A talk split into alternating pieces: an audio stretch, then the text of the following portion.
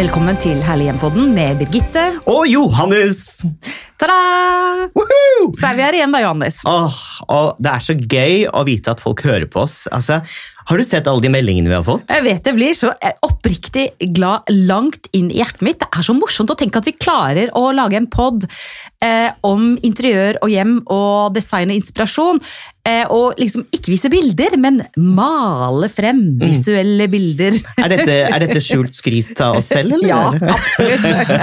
Nei, men det er helt ekte, faktisk. For eh, du blir jo veldig rørt til og med når du leser de meldingene vi har fått. Det er jo helt fantastisk. Mm. Særlig meldinger eh, som er av typen at vi gir folk eh, glede. Mm. Eh, og at folk ler og hygger seg litt. Eh, og det er noe noen og enhver kan trenge. Livet er hardt nok eh, som det er, eh, ikke sant Johannes? Absolutt. Mm. Det kan jeg skrive under på. Nada. Så tusen takk til eh, dere som hører på. Ja. Eh, og kom gjerne med ønsker og tips hvis det er spesielle temaer dere har lyst til at vi skal snakke om. Gjester? eller hvis det er spesielle gjester vi skal snakke om, så tar vi veldig gjerne imot tips og råd. Apropos gjester, Johannes. Ja, i dag har vi et veldig kul gjest på besøk. Hun er noe så sjeldent som en mild bergenser.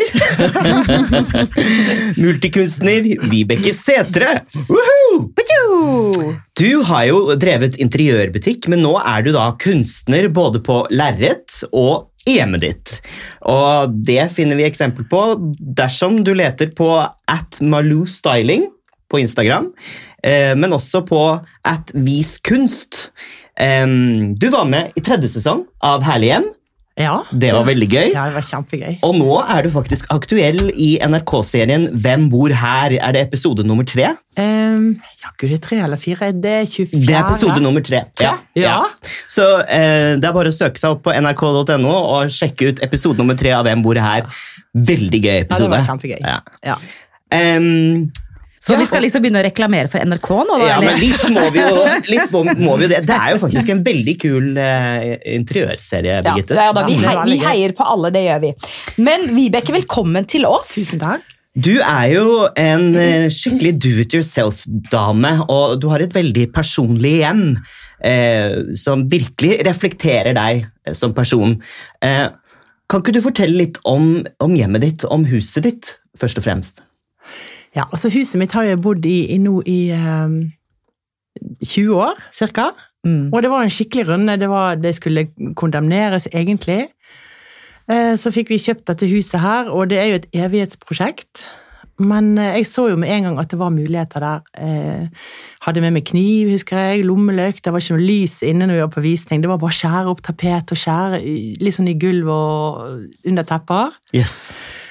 Og så begynte jeg å se for meg hvordan kan jeg bygge dette til et hjem. Um, så jeg har jo brukt 20 år, da. Jeg kommer jo sikkert aldri til å bli ferdig. Men hvordan har du lært alt dette? da? Er du, er du selvlært, Eh. eller har du noe faglig bakgrunn for å liksom sette i gang og rive ned og bygge opp? Nei, det er det jeg mener at alle kan. Ja. Altså, jeg mener at alle kan. Ja. Det er bare å henge nede på maksbo rundt disse gutta. Helt til de blir så lei av deg at eh, da, da kan du henge litt til. Men de, du lærer veldig mye av å spørre, og, og bare tørre. Mm. Men da må du være ganske uredd.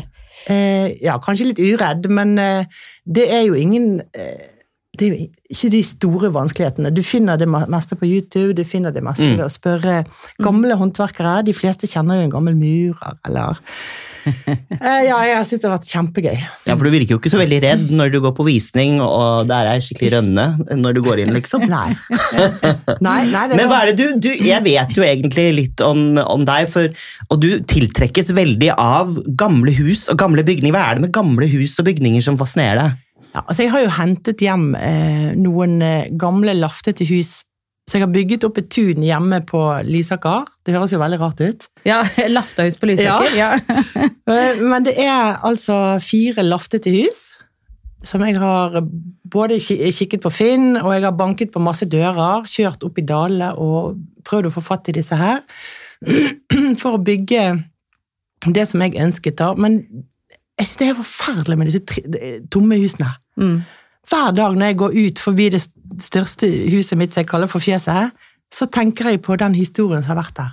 Her har det vært en, sikkert en pappa som har jobbet, og det har vært barn her, og jeg vet jo historien i mitt, det ene huset mitt. Mm. Eh, Det er 200 år gammelt, og det har bodd det er ca. 40 kvadrat, og det har bodd to familier der. Oi, Det var, det. og en hest. Ja, og en hest. Ja, og de hadde jo ofte en hest inn eh, for å liksom eh, Det var en, en varmekilde. Mm. Så På hvilken måte da? At den utlyste sto varme? og oste varme. Mm. Som en liksom sånn varmeovn. Ja, så det var ofte det at de tok inn et dyr i eh, Mm. Det visste jeg ikke. Jo da. ja. Nei, eller mer enn Jo da, Nei da, jo men det er jo Birgitte blir så flau på mine vegne. jeg, jeg er liksom oppvokst på Bygdøy og ikke aner ikke noe sånt. Jeg, vet du.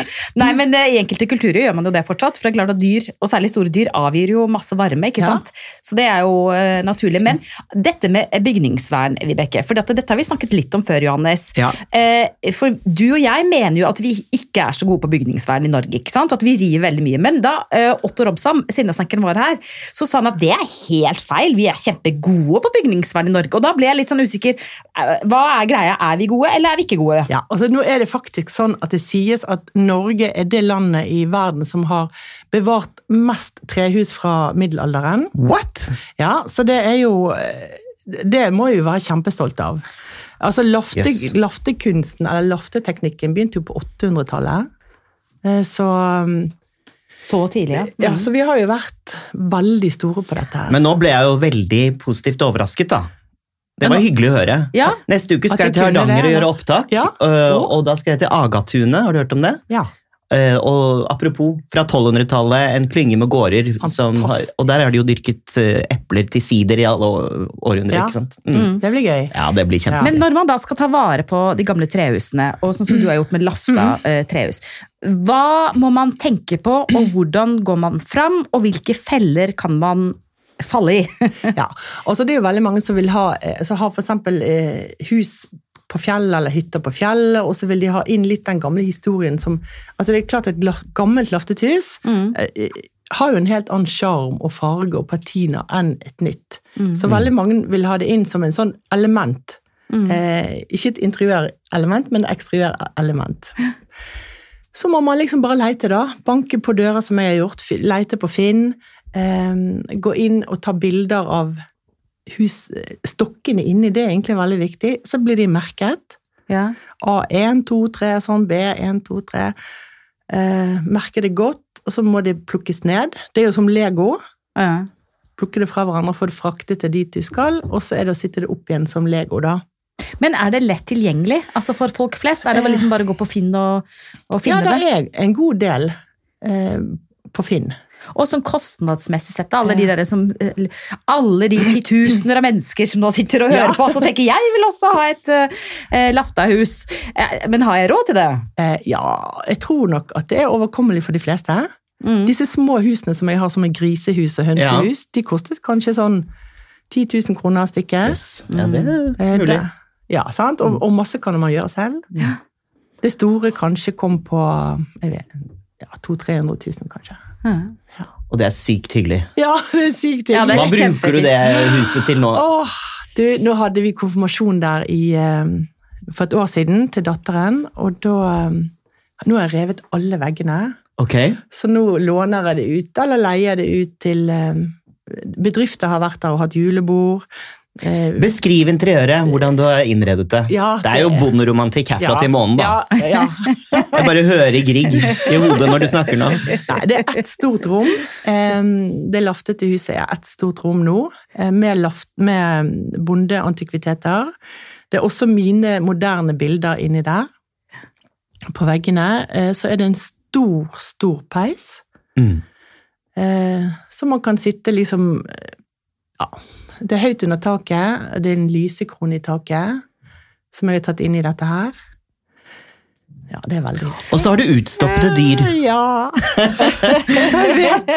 Det er jo litt kult, da. Jeg synes det er kjempekult. Mange syns det er kjempeekkelt. Ja, La oss stoppe litt akkurat der. Nå skal Ja. vi bare ta en sånn liten runde rundt bordet. For at, eh, Johannes, du er jo dyreverner, og du er jo bevar ulven og Ja. fred. Altså, Du er jo veldig der. Jeg er veldig opptatt av å bevare dyremangfoldet i Norge, Ja. og at dyr ikke skal eh, lide under eh, kummerlige omstendigheter. Når det er sagt, hvis et dyr allerede er blitt skutt på jakt, så hvorfor ikke bruke dyret som dekor? Ja, Så du, du mener da at det er ok med utstoppa dyr? Um, ikke alle dyr. Nei, men Du må svare ja eller nei. Dette er en liten quiz. Å, den er litt vanskelig. Ja, den er litt vanskelig. Um, Uh, jeg har ikke noe særlig imot uh, utstopping av eh, eh, ikke-truede norske dyrearter. Mm. Ja. Ja. Vibeke, Ja, du det er liker bra. det. Ja, men jeg er jo som Johannes også, selvfølgelig, og dyrevelferd og alt dette her. Men eh, stort sett det som jeg har, er gamle ting. Mm. Eh, det er en gammel rødrev, det er en gammel hubro, det er ja, Jeg har en kudu inne, den er ikke så gammel, men Kudu? En, ku, en kudu? Ja, det har jeg òg. Har du? Ja, en kudu fra Sør-Afrika. Ja, For det, dere spurte ikke meg tilbake da, hva jeg Nei, mente om dette. Takk Ja. for det, liksom, Ja, men, ja, men eh, du Det- går jo med leopardprint i dag. Mm. Ja, jeg elsker leopardprint, Ja. eh, men det, det er jo bare tekstil. Ja. Men eh, jeg er, jeg vil si jeg er eh, ambivalent, kanskje på linje med eh, altså dere begge to. Ja. Altså, jeg vil ikke gå og skyte et dyr for å ha det Nei, nei, nei. Altså sånn. Men vi har, vi har faktisk en kudu fra Sør-Afrika på Nei, er det en kudu? Det er det ikke, forresten. Ja, det er en en sånn- impala. Er det. Ok. Impala. Nei, eh, nei, det er impala. Så Ja. den har vi på veggen. Men jeg, jeg kunne ikke hatt liksom mange, mange mange ustoppede dyr. Nei, det blir litt corny. Altså, Ja. akkurat som han eh, eh, forfatteren Er det eh, Guillaume? Jan Geo? Han har jo utstoppede dyr i hele huset sitt. Det kan bli litt vulgært. Ja, det kan bli litt Ja, mye. det er vulgært. Men Mm. for meg er det også litt sånn eh, det norske, det er litt barndommen min. Vi Mm. Eh, kommer fra en familie som det, det er veldig mange jegere. Mm. Eh, vokst opp med en sånn jord, kronhjort i stuen. Jeg vet ikke, det er noe sånn barnslig for meg. Det Mm. er en liten sånn, sånn glede. Og så passer det inn med den gamle laften. Ja. Denne rødreven som, Ja, som vil være med på fest. Ja. Ja. Men det er jo så stemningsfullt der, og du sier bondemøbler. Har du noen hete tips på hvordan, hvor man får tak i fabulous bondemøbler? Altså, Jeg har jo kjøpt hytte på fjellet, og jeg er på leting etter det hele tiden, så jeg har blitt helt sånn bondekjerring i huet. Men det er ikke så lett å finne bondemøbler som virkelig Ja, det er litt schwung over. Jeg synes, jeg synes, altså Nå er jo det liksom en stund siden jeg var på leit, men jeg må jo si jeg har funnet masse i, på loppemarked. Mm. Ja. Jeg har vært loppemarkedkjerring i Bærum nummer én, Mm. og um, fulgt meg hele, liksom hele tiden på jakt. Jeg tror du må passe på når du er hos noen, se litt i garasjen, se litt Kan jeg komme med et hett sted? Et tips for et sted Ja. hvor man får tak i det? Er det dagens reklame? Litt. okay. Men jeg syns at antikvitetshandlere jeg synes det er greit. Ja, det det er syns greit. jeg også er kjempegreit. Hegdehausveien nummer én. Ja, og- Der er det en antikvitetsbutikk som er helt fabulous. Love it! Ja. Der har jeg handla masse. Ikke og skrot. De er så hyggelige. Skatter. Så de er så hyggelige, de som jobber der, og de har så mange fine ting. Vet du hva de gjorde? Nei, De kjørte skapet og eh, lampen jeg kjøpte, hjem til meg. Til døren. Gratis. wow. Så fantastisk! Ja, det, det, Vi slår et slag for de, altså. De Ja, er kjempeflinke og veldig hyggelige og mange fine ting. Og det er gjenbruk, eh, eh, det er fornuftige priser, så det er vi super for. Og der kan man finne masse fint. Ja, det, det er sant, Johannes. Og så må man prute litt, da. Ja, ja. Ja, men men det eh, det lar seg gjøre. Man må ikke være redd for å prute. Nei. Fordi mange nordmenn syns det er ubehagelig å prute. For vi har ikke en sånn prutekultur i utgangspunktet. det- er du eh, Jeg- ukomfortabel med pruting? Hva tror du? Jeg elsker å prute. Og jeg tenker i mange land så blir man nesten fornærma hvis ikke man pruter. Hvis du går på et eh, marked i eh, Marrakech eller i en eller annen sukker i Midtøsten, altså disse basarene, og man ikke pruter, da er du jo bare idiot. Ja, you gotta play the game. You gotta play the game. Så pruting er vi for. Ja. Men tilbake til eh, deg, Vibeke. Så gøy. Men eh, du har jo denne bonderomantiske stilen, som du da mikser med en ganske moderne stil. Det er en stor kontrast der. Og det har du fått til hjem, eh, inne i hovedhuset, for å si det sånn. Eh, har du noen hva, hva slags Hva er strategien din? Hvordan tenker du når du innreder Altså Når jeg har innredet mitt hus, så har jeg jo tenkt ehm, at dette skal være behagelig. Mm. Jeg har veldig behagelige farger. Jeg har veldig jordfarger. Jeg vet at trenden nå er mer og mer farger. Men for meg så handler hjemmet om å komme hjem og finne ro. For jeg føler det, er, det koker i toppen hele tiden. Med ideer og bilder og ting du skal forholde deg til. Så jeg vil at du skal komme hjem og så, og så lande. Og jeg vil ikke forholde meg til så mange farger hjemme. Så for meg fungerer det veldig greit. Det som eh, Du kan gjerne fargesette med bilder. Um, men ikke så veldig mye mer enn det, for min personlighet. Mm. Så. Og så vet jeg at du er opptatt av eh, installasjoner og det tredimensjonale i hjemmet ditt og i et interiør. Og det er veldig spennende, og det er et veldig spennende virkemiddel som kanskje mange av oss ikke er så veldig flinke til, egentlig. Kan ikke du fortelle litt om hvordan du bruker det tredimensjonale? Ja, det er jo liksom, eh, ikke, kanskje ikke så smart å si eh, når jeg eh, driver med bilder, flate bilder, men, men jeg tror at for å skape små historier Mm. i hjemmet ditt, så bruk gjerne ting som kommer ut fra veggen også. Mm. Sant? Altså, ikke vær redd for å henge ting på veggen. Nå har jeg eh, sjøl en gammel fiskekiste som jeg fikk av mm, mamma og pappa, som de kjørte fra Vestlandet til meg, og det har jeg alltid syntes at det var en utrolig vakker form. Så når jeg fikk den, så ble jeg kjempeglad. Mm. Så den henger på veggen. Det ser ut som en liten robåt. Eh, jeg bruker veldig masse eh, syrinbusker som er tørket. Og ikke vær redd for at det skal ikke, Det er ikke snakk om en liten vase på bordet med noen sånne tørkete greiner. De kan gjerne være to meter høye, og sitter gjerne på gulvet i store sånne krukker, og ta gjerne sånne bitte små juletrelys på de, og ha det hele året. Mm. For det skal folk bli litt sånn, når jeg ikke har brukt så mye farger, så bruker jeg heller eh, disse installasjonene, eller disse lysene som folk blir trukket mot. Mm. Um, så, så ja, så ikke vær redd for det, og andre ting hvis man har for eksempel eh, noe pent tøy, for eksempel. Mm. Eh, antikke ting. Heng det gjerne på veggen. Men du sa altså en gammel fiskekiste. Jeg er ikke Ja. sikker på om jeg skjønte hva Nei. det var. fordi at det, når jeg husker, ser tilbake på uh, da vi var hos deg uh, med TV-programmet Herlig hjem, så trodde jeg det var liksom en del av en båt som stakk ut av veggen. Men en fiskekiste, hva hva er det det? Du trodde resten av båten var bak? Nei.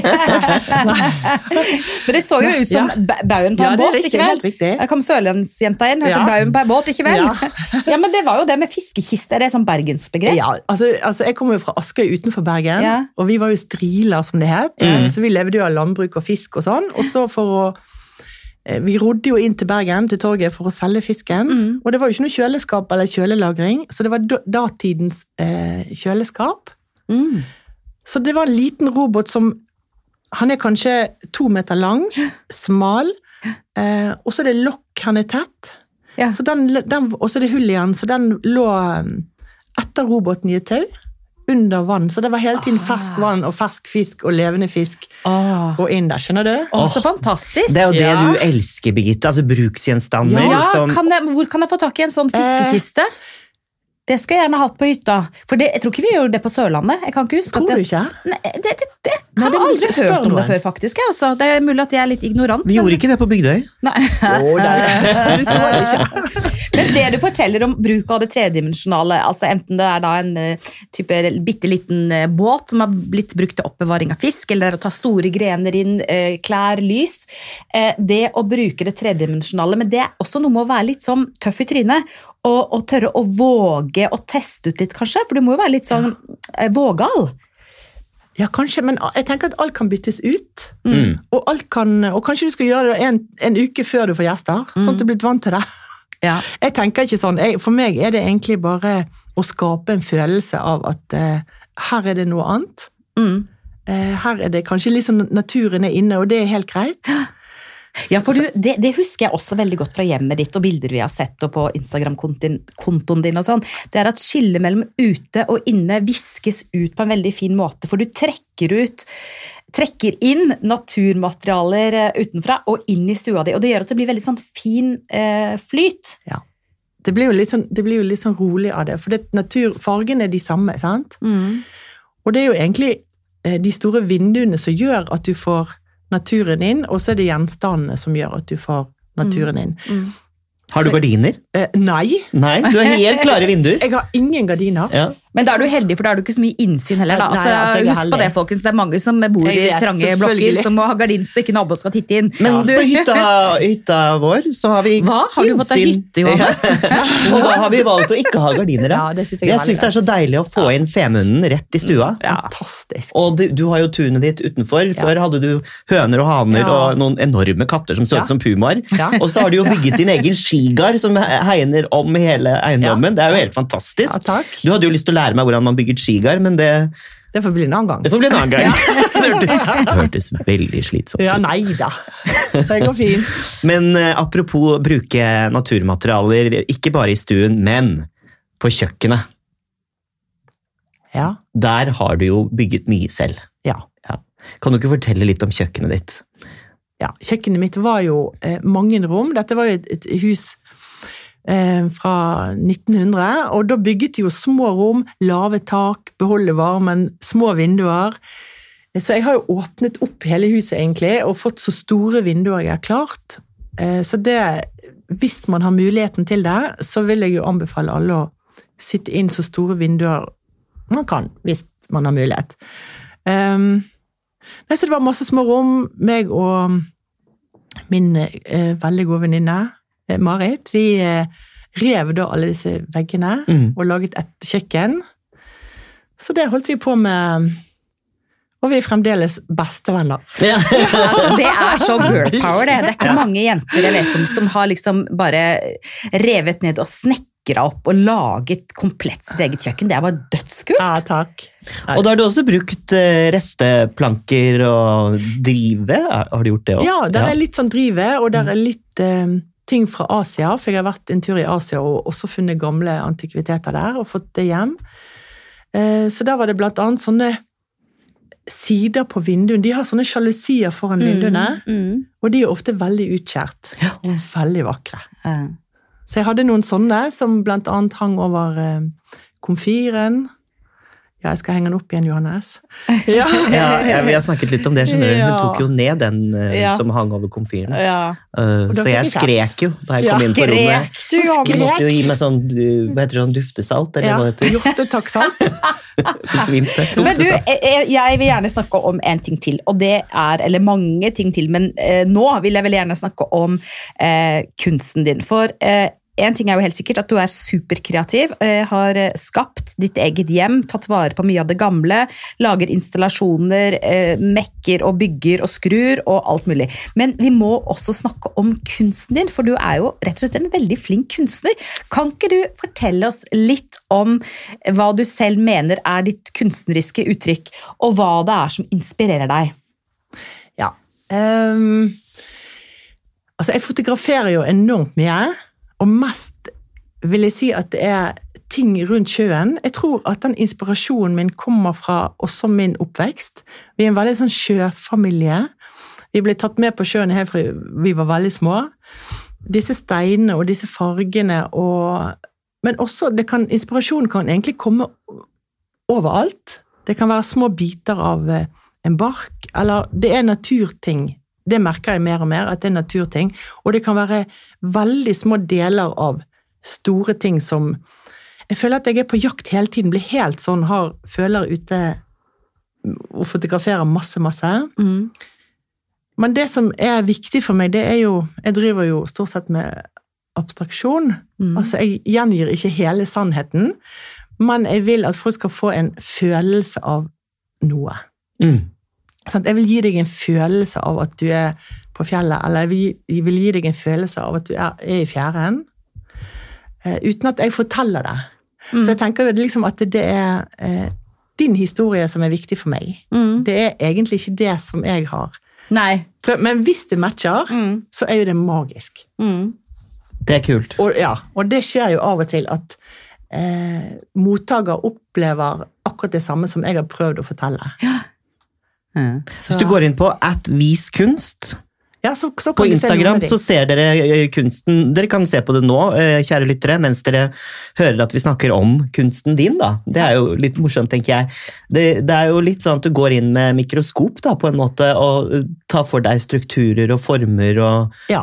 fra Men- naturen. Men så gjør du det til, til store, Store bilder, bilder, for du ja. lager ikke sånn snuttetutte-bilder på ti ganger ti centimeter, liksom. Snuttetutte! Ja, ja, er ikke det et fint ord? da? Snuttetutte. Og det syns jeg også er veldig flott med, med din kunst. At, at det er litt sånn stort. Altså, jeg liker de liksom litt sånn store bilder. Ja. Altså, det er jo så mye gøyere å ha et sånn fantastisk svært eh, eh, fotografi eller maleri eller sånn, på veggen enn masse sånn tuttelitutt. Det er jo det, rett og slett. Altså sånn Interiørmessig så, så blir det jo eh, mye ryddigere, Mm. syns jeg. Altså, bildene mine er ofte sånn, de kan være to ganger to meter, eksempel. Mm.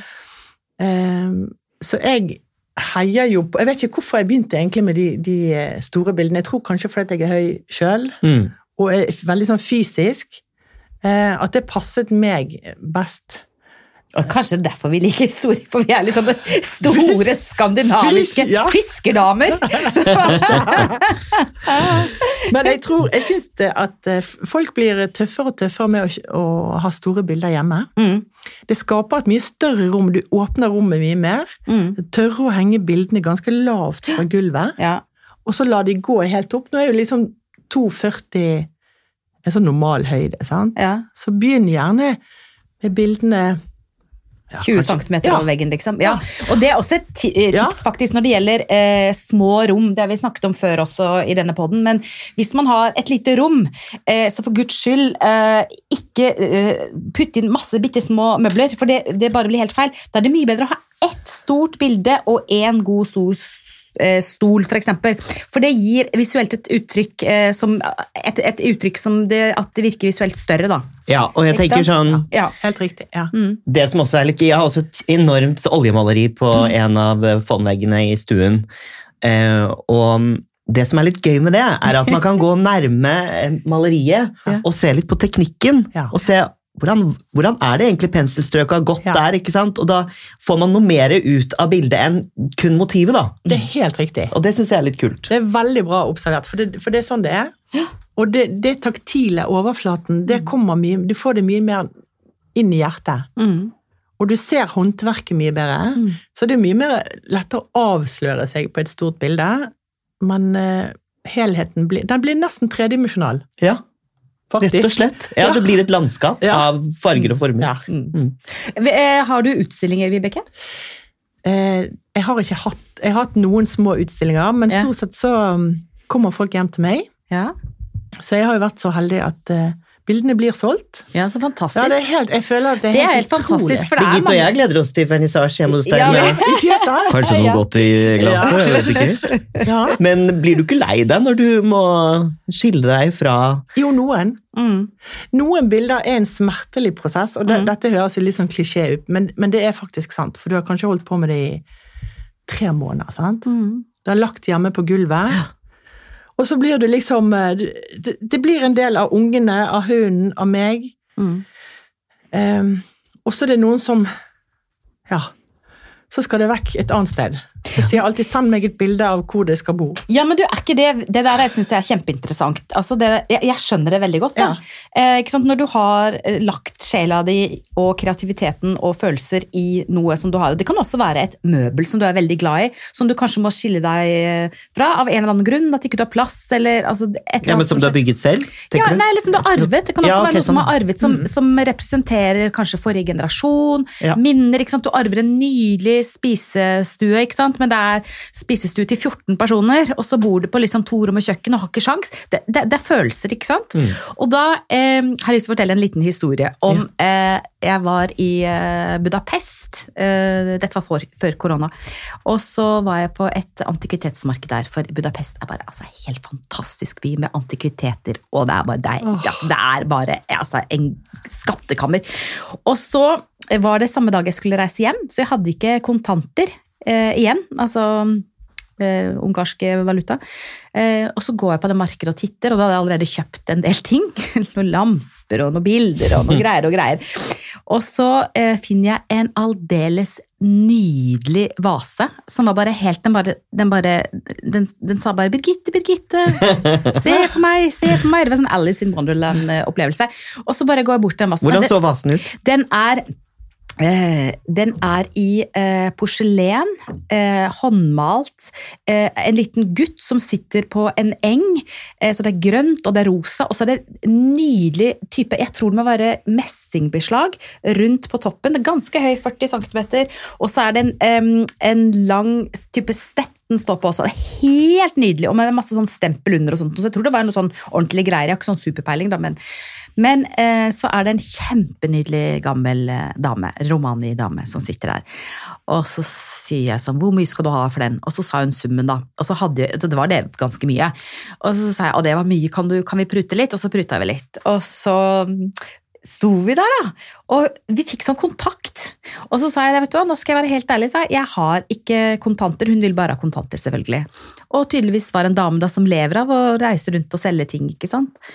Eh, Så, så sa jeg at nå skal jeg være helt ærlig, jeg har veldig lyst på denne. Dette er alle pengene jeg har. Så jeg. Så jeg tok pengene mine fra pengepungen og tømte, og der var det noe dollar og det var noe euro. Og mannen min tok det han hadde, og det var sånn og sånn, pluss de ungarske pengene vi hadde. Og så så han på meg og sa sånn, dette her gjør jeg aldri. Men jeg skjønner på deg at denne vasen kommer til å få et godt hjem, Ja. så derfor så skal du få lov å få den for den billige pengen. Var ikke det nydelig? Åh, ja, det er nydelig. Ja. Så det der med Det er følelser, og at du ønsker at dine bilder Ja. skal komme til et sted der de blir satt pris på og tatt vare på, at ikke de blir bare klasja på veggen og bytta ut om et år, liksom. Ja. Ja. Ikke sant? Og så blir du, litt, du blir liksom kjent med de folkene som kommer hjem Mm. for å se. Mm. Og da er det liksom greit. For Har du noen gang ja. sagt nei til noen? Og sagt at deg, deg vil jeg ikke selge til? det hadde vært kult, da! Ja. Nei, glem det. Ja, glem det. Ja, glem det. Nei. Nei, det har jeg ikke, men, eh, men, men det, Og noen får man ikke så tett forhold til. Mm. Mm. Så det er veldig rart. Ja. Hvorfor noen eh, Ja. Men dette med, med malekunsten din og, og det kunstneriske arbeidet ditt, hvor, hvor, hvor kommer det fra? Eh, Det kommer nok fra min mor. Hun var også kunstner. Mm. Eh, Så hun er ikke her eh, lenger nå, men jeg føler allikevel at hun er med meg hele tiden. På, alle bildene, og, og er en veldig sånn inspirasjon eh, i dag. Eller på alt jeg gjør på disse bildene. Så det var også hun som presset meg litt til å begynne å ta litt mer utdannelse innen billedkunst. Og, for jeg har egentlig malt i alle år, men jeg har ikke hatt helt sånn selvtillit på at, at det var bra nok. Mm. Hva slags teknikk bruker du? Jeg bruker veldig masse forskjellig. Jeg blander jo, masse, jeg blander jo eksempel akryl og olje. Mm. Eh, Jeg bruker veldig masse blekk som base. Blekk? Ja. Masse blekk i alle bildene. Eh, Er det av fargen, eller er det konsistensen? Den er ganske sånn medgjørlig på en måte. Og, og når du blander den inn med andre Dette har jeg brukt sinnssykt masse timer på å studere. Hvordan det skal blande seg inn. Men blekk og akryl kan bli veldig fint.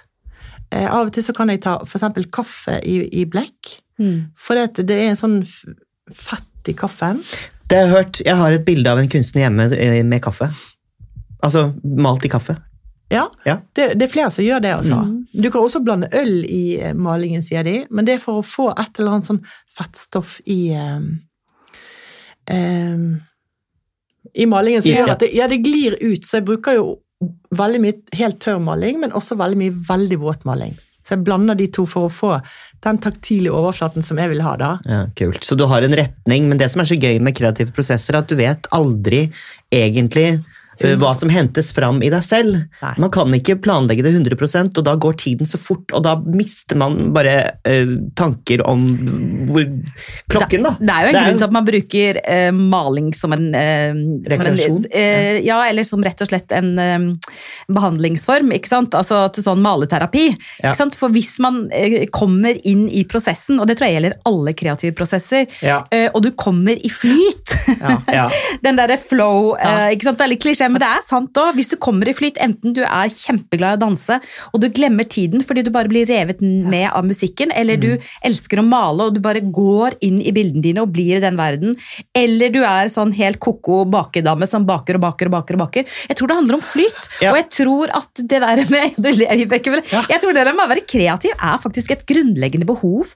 Eh, Mm. hos oss mennesker. Ja. Både et grunnleggende behov å være kreativ, men også å uttrykke estetikk. Det var Ja. dagens. Jo, men det er helt sant, når jeg, lager, når jeg lager musikk, da, nå skal jeg ikke gå for av sporet, men eh, så er det ofte at jeg planlegger å lage en skikkelig Hello eh, med eh, Lionel Richie-aktig ballade, ikke sant? så Ja. ender jeg opp med den cheesy Grand Prix-sangen. Ja. Ja, og det, det er jo litt gøy å bare liksom finne ut av hva, hva som bor igjen, da, og underbevisstheten, og det er jo sikkert det som kommer fram hos deg i bildene òg. Du mister kontroll, på en måte. Og Ja. Du må la deg miste kontroll. Så det er en utrolig sånn um, øvelse i å Det å male bilder er en stor øvelse i å miste, slippe kontroll. Eh, og eh, ha kontroll og slippe kontroll. Eh, også det å ta valg. Mm. Abstraksjon, altså det handler hele tiden om å ta valg. Hva skal jeg, hva skal jeg beholde, hva skal jeg ikke beholde? Og så det er en smertelig prosess av Ja. til. Fordi at du kan se på bildet og tenke nei, jeg syns egentlig alt var fint. Jeg. Ja. Men jeg ser, ja. Ja, og så valg må jo du ha tatt i hjemmet ditt, ikke sant? For du er jo en eh, samler, en maksimalist på mange måter. Du er glad i gjenstander og ting. Ja. Eh, men hjemmet ditt eh, ja, men å- oppfattes ikke som rotete. Overhodet ikke. Eh, hvordan, hvordan tar du de valgene? Jeg tror jeg tar de valgene eh, ut ifra at ting Du må ikke være redd for at ting er store. Mm. Sant? Altså, altså størrelsen eh, og fargene. Jeg tror jeg velger eh, Nesten alt jeg velger, velger jeg ut ifra farger. Og det tror jeg jeg gjør på, på, på nesten alt.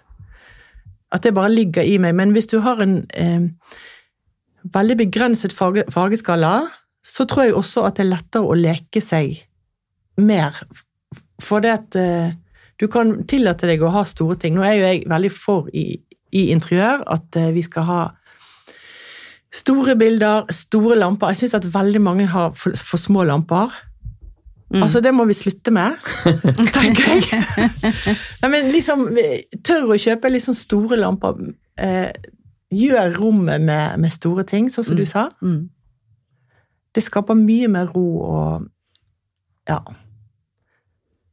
Men hvis vi skal, ikke sant vi, Jeg føler selv at jeg høres litt sånn dekadent ut når jeg sier det. ikke sant? Å, jeg elsker store malerier, og du også, Vibeke. Å, jeg elsker store lamper. altså, Vi gjør jo det, men det kan høres litt sånn dekadent ut. Men hvis vi skal tenke da eh, til vanlige folk som eh, kanskje ikke bor i sånn fantastisk hjem som du har, da, men som kanskje bor i sin første leilighet. da, Sin torom- og kjøkkenleilighet.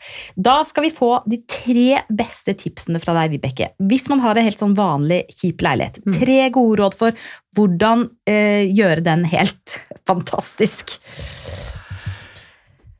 Altså, jeg vil også jeg, jeg vil, Selv om du har to rom og kjøkken, mm. så vil jeg eh, allikevel at du tenker stort. Ja. Uh, Det er kult. ja. Det er en kul eh, innfallsvinkel. Ja, jeg, Ja. jeg vil også at du skal tørre å, å ha eksempel, hvis du har mulighet og en vegg til å ha eksempel et stort bilde som trekker rommet opp Mm. og ut. Eh, og så vil jeg at du skal ha ikke mange små ting, eh, ikke mange små pynteting hvis du kan det. Jeg vil at du skal Jeg vil jo også at folk skal ha, bruke planter. Så, som en sånn tredimensjonal Nå kommer jo det heldigvis mer og mer, men bare bruk masse grønne planter. Um, ja, og så er jo jeg eh, Jeg ville jo dempet fargene litt, da. Det var, det var jo mitt tips. Mm. Selv om kanskje trenden sier noe annet Mm. akkurat nå. Mm. Men bruk fargene på bilder og Mm. kanskje puter og sånne ting. Kjempegode tips og råd der, da. Ja, jeg så det helt for meg. Ja, så fint! Veldig fint! og store ting i hjemmet behøver jo ikke være så dyrt heller. Nei og nei! Absolutt ikke. Og jeg tenker også at eh, hvis man vet hvilke farger man liker og har lyst til å ha, altså det er helt lov å prøve seg å eh, skaffe seg et svært lerret. Altså det er mange steder man kan kjøpe lerreter, og det er ikke så veldig dyrt. Og spenne det opp uh, sjøl. Det er ikke superhokus pokus. Altså, det blir jo kanskje litt sånn ruklemukle, men eh, også rett og slett male sitt eget Ja. eh, maleri, og gjerne bruke Jeg elsker å male, nemlig jeg driver litt med det på hytta, men jeg er overhodet ikke flink. Men også gjerne bruke eh, ting i malingen. Altså putt litt sand og putt litt glitter, og eh, eh, bruk eh, sånn eh, tynne, tynne, tynne servietter som du strimler. Du vet, servietter er laget i mange lag. Mm. Og hvis du legger det med maling, så får du sånne morsomme strukturer, så kan man lage sitt eget kunstverk, rett og slett. Yes, så gøy! Ja, Dette visste ikke jeg om deg, Birgitte. det er masse du ikke vet om meg, Johannes. Masse, masse. Men nå vet vi i hvert fall veldig mye mer om uh, Vibeke. Ja, Fantastisk, veldig inspirerende å ha deg på besøk. Fantastisk å være på besøk. Helt utrolig, men det vi ikke har snakket om, at hun har jo samme navn som Vibeke Sæther. Det var ikke den her Nei, Sæter. Oh, ja, det var Sæther Jeg har skrevet hennes navn i manus og, på, og overalt så mange år nå, Vibeke. Så nå vet jeg at det er setere, Ja. ikke Vibeke Sæter. Ja. Som vi husker fra barne-TV. Ja. For de av oss som er såpass gamle at vi husker det. Ja. Ja. Men tusen hjertelig takk for at du kom, Vibeke. Det var kjempeinteressant å høre både om hvordan du har tatt vare på gamle bygninger, hvordan du har skapt en helt fantastisk egne, egen oase i hjemmet ditt, hvordan du bruker kunst. Masse gode tips og råd, Johannes. Absolutt. Og gleder oss til eh, vernissasje hjemme hos deg. Jeg gleder meg veldig. Ja, jeg gleder meg også veldig. Gå inn på at viskunst på Instagram for å se kunsten, og at Molo Styling for å sjekke ut interiøret. Tusen takk. Tusen takk for meg. Takk for i dag, Birgitte. Tusen takk for i dag, Johannes. Vi er tilbake neste onsdag, vi. Allerede neste onsdag. Tiden flyr. Og da skal vi snakke om eh, ja, eh, relasjoner mellom mennesker i hjemmet, og hvordan man kan løse konflikter eh, med utspring fra det. Og det blir kjempespennende. Det er kjempegøy, da. Ja, det er kult. Coach og skuespiller Sølje Bergman kommer for å ta fatt i den materien. Det gleder vi oss til. Tusen takk igjen for at du lytter på, og husk, ta vare på ditt herlige hjem, stort eller smått.